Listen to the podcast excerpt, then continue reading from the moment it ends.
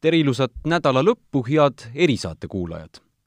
selle nädala alguses sai selgeks, et Narva haiglas on olukord väga kriitiline. et sada meditsiinitöötajat kuuesajast on haigestunud ja Terviseameti juht Üllar Lanno pakkus välja, et appi võiksid tulla residendid.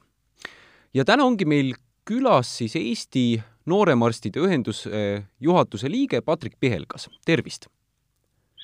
tervist, aitäh, et kutsusid jutustama! Jah, ja mina olen saatejuhina Joosep Tiks ja Eesti Päevalehest. Patrik Pihelgas, küsiks võib-olla kohe alguses teilt, et kui realistlik see Lanno plaan on, et residendid lähevad nüüd Narva haiglasse abiks, on, on võimalik niimoodi mobiliseerida siis või? Äh, ütleme niimoodi, et teoreetilisel tasandil kindlasti on. Äh, aga, aga pigem on see, on see paraku natukene rohkem äh, nagu ilus unistus, mida ilma eriolukorda väl- ja noh, üleriigilist kriisi välja kuulutamata päris niisama võimalik teha ei ole mm. -hmm. kas nendel eri, kas nendel residentidel on praegu mõned muud kohustused siis teistes haiglates või mis need barjäärid on seal? Äh, jah, resident on oma olemuselt äh, täieõiguslik haiglatöötaja, ehk siis noh, sisuliselt ütleks, et samaväärne kui kõik, kõik muud arstid. Neil on küll õppekomponent nii-öelda juures, läbivad ka mingeid teoreetilisi koolitusi ja kõiki selliseid asju, aga neil on täiesti omad kohustused olemas. esiteks selle osakonna ees, kus nad üleüldse töötavad, seal nad on arvestatud töögraafikutes, ilma nendeta noh, paljud osakonnad ei saagi sisuliselt toimetada Eh, ja lisakohustused, et kes on võtnud endale eh, lisavalve kusagil eh, maakonnahaigla EMO-s või sõidavad kiirabis näiteks või kuskil erakorra-, nendes intensiivravi osakondades. et neil on ühesõnaga neid kohustusi veel, rääkimata siis sellest, et nad tegelikult on ka inimesed ja tahaksid oma perekonna juures olla. et see on võib-olla see isegi kõige keerulisem aspekt kogu asja juures see on natuke nagu valge laev, et residendid on meil kuskil abis ja kohe tulevad, et kui palju meil neid residente üldse on ja kui paljud neist, kui paljud neist oleksid nõus ja kui paljudel neist oleks võimalik minna üldse sellises olukorras appi? Äh, jah, see, see on muidugi keeruline küsimus, et äh, residente meil äh, peaks olema igal ajahetkel kusagil kuuesaja kandis. et noh, iga aasta umbes sada kuus, sada kolmkümmend inimest võetakse vastu noh, saja kuuekümnele umbes tehakse, tehakse kohad, aga kõik kohad alati täis ei saa. ja, ja selles suhtes, et äh, praeguse seisuga, ma saan al-, aluseks võtta selle, et meil on kevadest alates loodud selline äh, huvitav keskkond nagu VAB, mis on vabatahtlike andmebaas, selle need asja, asjalikud inimesed panid oma pead kokku ja tekitasid sellise keskkonna, kus on võimalik kirja panna arstidel ja tegelikult ka tudengitel alates esimesest kursusest.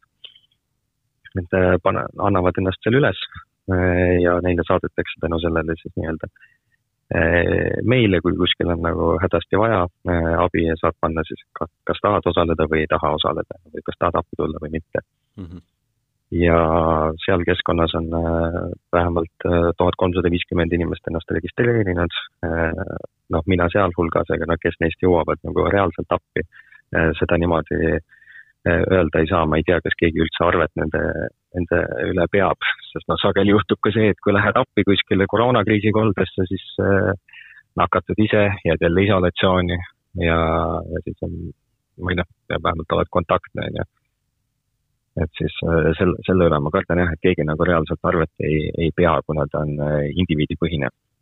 seal Vaabis, kui ma ei eksi, ei ole ka mitte ainult residendid, vaid üleüldse hästi paljud erinevad meditsiinitöötajad. ja, ja kõik meditsiinitöötajad, et täitsa isegi esimese kursuse tudengiteni välja, äh, sest töötaja, no ja mõned nii-öelda muude erialade inimesed saavad ennast sinna ka kirja panna sotsiaalvaldkonnast. et see mitmekülgset abi saab pakkuda niimoodi kui palju nende residentide hulgast oleks neid, keda saab praegusel hetkel Narva haiglasse appi võtta? kas teil äh, mõni tuttav või, või äh, mõni isik on juba teada, kes näiteks on läinud? Äh, jaa, mul tutvusringkonnas ikka on ja kutsutakse ikka kaasa ka. aga no niimoodi on, ei saa nagu otseselt öelda, et keda kindlasti saaks nagu rakendada, et seal tulevad just mängu need, need takistused. et põhimõtteliselt, kui inimene on töögraafikusse arvestatud, siis ta saab samaväärselt minna kui mis iganes teine et kui tal õnnestub oma osakonnaga kokkulepe saavutada või, või noh, muu tervishoiuasutusega, et siis, siis ei ole nagu küsimust aga, aga sageli ei ole võimalik, võimalik inimest nagu nii kergesti käest an-, ära anda, sest me ei saa minna ühte kohta päästma niimoodi, et teised kohad jäävad töötajate defitsiiti. see ei ole, noh, siin me tekitame uue kriisikolde kuskile mm. -hmm. aga kui suur see, enne ütlesite, et ka enda perekond ja lähikontaktsus on, mida kaaluda, et kui suur, me ei ole selle peale võib-olla nii palju mõelnud isegi, kui suur arstil on hirm äh, nakatumise ees? no ma saan oma kogemuse põhjal öelda, et äh, mul äh, on küllalt, noh, töötan perearstikeskuses ja seal on äh, küllaltki vähe mul kokkupuuteid teadaolevate koroonapositiivsete patsientidega, aga iga kord, kui võtad vastu, paned küll ennast korralikult riidesse, varustus on, varustus on nagu tipptasemel, aga alati on hirm. selles suhtes alati on see tunne, et noh, kunagi ei tea, on ju, et kas siis äh, saad nii-öelda märkamatult endale haiguse külge, võib-olla ise jääd terveks, on ju, aga siis saadki, saan oma nii-öelda kuuskümmend pluss isaga kokku näiteks, ta on riskigrupis igatepidi, annan talle näiteks selle edasi ja temal ei lähe nagu nii hästi, et pääseb ilma sümptomiteta. et pigem ongi see eelkõige see hirm lähikondsete ees. aga residentide ja muude nooremarstide seas on absoluutselt ka inimesi, kelle, kes ise kuuluvad riskigruppi, olgu nad siis astmaatikud või, või mis iganes muudel põhjustel ja see on nagu kindlasti üks väga suur takistus sellele, et miks ei saa sellist sunniviisilist mobiliseerimist korraldada ja residentuuri peatamist. kas selle üle on ka suured vaidlused mul... käinud seal residentuuri sees? et kes peaks minema, kus äh, peaks minema äh,? Jah, selles mõttes äh, noh, eks me nii-öelda omakeskiski te, tekitasime sellest, äh, sellest diskussiooni. Äh, ja noh, eelkõige on see, et kui lähevad näiteks noh, siseerialade residendid, et kellel nii-öelda sisehaiguste maailm on vähe tuttavam, siis see asi on kuidagi võib-olla natukene loogilisem. Äh, kirurgid võib-olla ei tunne ennast, ennast enam nii kindlalt äh, ravides mingeid kopsuhaigusi põhimõtteliselt. et see, see juba paneb jälle noh, täiesti teistsuguse dimensiooni sinna hulka, et, et resident ja resident on ka nii-öelda kaks täiesti erineva pädevusega inimest. kas seal kohapeal, kui teil tuttavad on läinud nüüd Narvasse või kuhugi appi siin koroonaga, ka kevadel näiteks, et kas kohapeal see maailm või, või see tegevus, mida te tegema peate, kui palju see erineb sellest tavapärasest? kas tehakse mingi täiemahuline ümberõpe või, või visatakse nagu pea ees vette, et hakka nüüd tegema või kui, kuidas see üldse välja näeb, et sa lähed kuhugi haiglasse, kus sa tead, et on kolle ja nüüd pead tegutsema hakkama? Selles suhtes ei tohiks meeletult erineda, haiglad on üldiselt nii-öelda sarnase ülesehitusega, tööülesanded on, on selged küllaltki. aga ei ole väga noh, kellel ei ole nagu kokkupuudet näiteks olnud äh, varem äh, erivarustusega, siis kindlasti läbitakse seal kohapeal õpe, kuidas üleüldse nii-öelda steriilselt äh, või no mitte steriilselt, vaid selle varustusega toimetada, ilma et pärast riided ära võttes näiteks endale nagu ohtu tekitaks. et natukene uutmoodi see uus varustus on ja eelkõige ma usun, et siis õpetataksegi seda kasutama ja, ja igal võimalusel personali seas nii-öelda õpetatakse ka üksteist, täiendatakse teineteise teadmisi, aga mingeid selliseid laiamahulisi koolitusi ma ei tea, et selliste kriisikollete ajal oleks, oleks võimalik korraldada mm. -hmm. et tuleb natuke ikka ise õppida sinna juurde?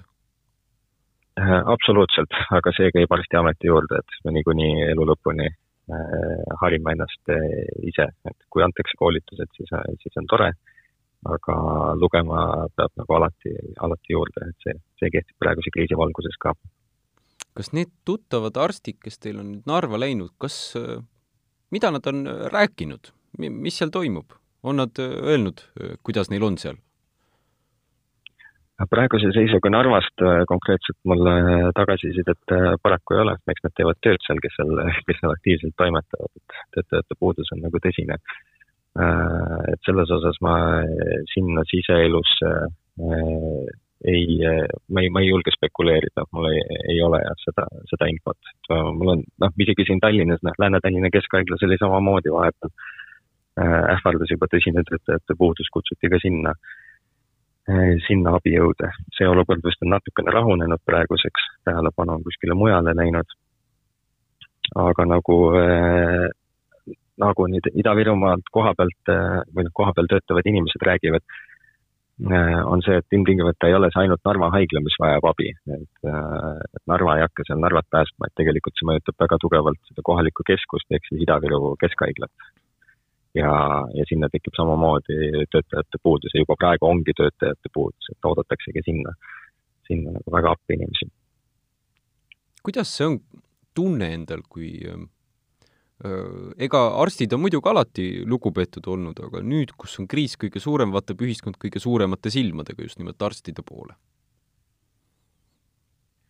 Äh, see on äh, jälle üks täiesti, äh, täiesti omaette jututeema, julgeks isegi öelda, et selles suhtes pikad, pikad jutud kokku rääkida. noh, näiteks siin, siin on mitu varianti paljud vaatavad praegu arstide pihta sellise halvustava pilguga, et noh, et kas me siis ei tee oma tööd hästi või, või noh, kõige hullem on muidugi see olukord, kui ei võeta tõsiselt kõike seda, mis toimub.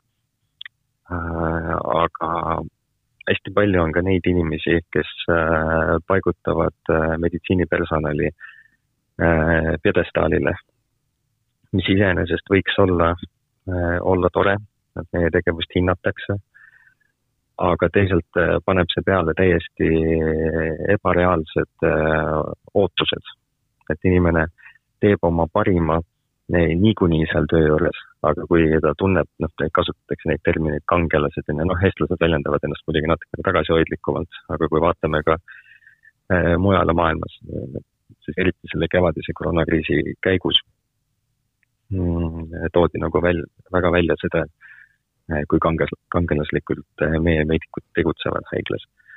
vähe on neid inimesi, kes tulevad hästi toime seda tüüpi komplimentidega, pigem on see mm, väga, väga tugev surve ja annab lihtsalt veel ühe asja, mille peale mõelda, et ma pean ikkagi oma rahvaga uhkeks tegema ja kõike seda.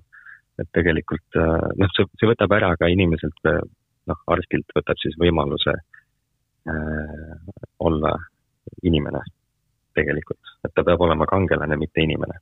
aga paraku noh, nii arstid kui õed kui hooldajad kui kõik muud haiglatöötajad on täpselt samamoodi, töötavad pidevalt äh, ülekoormuses, murdumishetke piiril ja noh, see on emotsionaalselt lihtsalt raske, raske periood praegu igatepidi mm. -hmm. ja kui öelda kangelane, siis ma saan aru, et see on natukene nagu noh, sellele ei järgne midagi, on ju, ütleb küll kangelane, aga need kaheteisttunnised tööpäevad jäävad. Äh, jah, paraku küll jah, või isegi kahekümne nelja tunnised ja noh, mõnel juhul mitte nii legaalselt ka kolmekümne kuue, neljakümne kaheksa tunnised tööpäevad mm. -hmm. et mida iganes vaja on. paar tundi vahepeal, kui magada saab, siis on päris hästi. kas see on nüüd äh, just nimelt praegu selle koroona ajaga niimoodi või see on nüüd eeldus, mis jääb ka edasi kestma, et äh, Äh, arstid annavadki endast kakssada kaheksakümmend protsenti? See paraku oli probleem juba ka varem. küll jah, selles suhtes on, noh õnneks on vähemuses need inimesed, kes tõesti töötavad kahesaja kaheksakümne protsendi peal. et enamik saab seal ikkagi noh, kas siis nii-öelda üks koma null koormusel või natukene, natukene rohkem, aga tegutsetud, toimetatud, aga selleks, et me saaks nii-öelda päris aktiivselt äh, süsteemi üleval hoida, äh, selleks oleks väga hea, kui enamik inimesi teeks natukene rohkem, äh, kui tegelikult ette nähtud on. ja see on ka surve, mida tegelikult meditsiinitöötaja tunneb. no siin tulevad mängu kõik ka poliitilised otsused ja, ja nii-öelda haridussüsteemi kujundamisotsused et äh, noh, miks me üleüldse oleme nagu meedikute puuduses. miks me siis oleme? põhjuseid on mitmeid, et siiamaani päris paljud äh, meedikud lähevad välismaale tööle äh, parema palga peale ja kohati ka paremate töötingimuste peale. noh, isiklikult ütleks selle kohta, et, et lähevad otsima sealt midagi, mida seal võib-olla ilmtingimata ei ole. et tegelikult see Eestis töötamine ei ole, ei ole nagu nii, nii katastroofiline, meil asjad lähevad ikkagi iga päevaga aina paremaks, see on tipptasemel meditsiin, et selles mõttes äh, on siin hea, aga seda sõnumit võib-olla ei kommunikeerita piisavalt tugevalt ja siis ongi, et me võime treenida inimesi, aga noh, avastatakse viimasel hetkel, et et oih, ma olen nüüd kuus aastat arstiõpet läbinud, aga mulle tegelikult ei meeldi see eriala, ma vist ikkagi ei taha arstiks hakata üleüldse. või noh, samamoodi õdedega niimoodi. kõik spetsialistid kipuvad otsima, otsima paremat, paremaid tingimusi, mida noh, mille suunas liigutakse, kohati liigutakse lihtsalt natukene aeglaselt ja see Äh, masendab neid inimesi, kes peavad äh, oma elu igapäevaselt äh, siduma nende valdkondadega. väga paljud on loomulikult Soomes, on ju, kas mitte ainult residentuuri tegemas, aga ka töötamas, aga huvitav, kas nüüd siin kriisiga on märgata ka mingit trendi, et rohkem neist tuleb koju tagasi või, või kuidas on need arstid ja õed, kes välismaal on siin koroonaga Eestiga seotud olnud? seda ma ei julge küll väita, et meil väga palju inimesi tagasi tuleks äh, sellepärast, sest äh, noh, võtamegi näiteks Soome, et nendel ei ole praegu see asi küll, olukord ei ole nii hapu, aga neil on ka vaja nende tervishoiutöötajaid.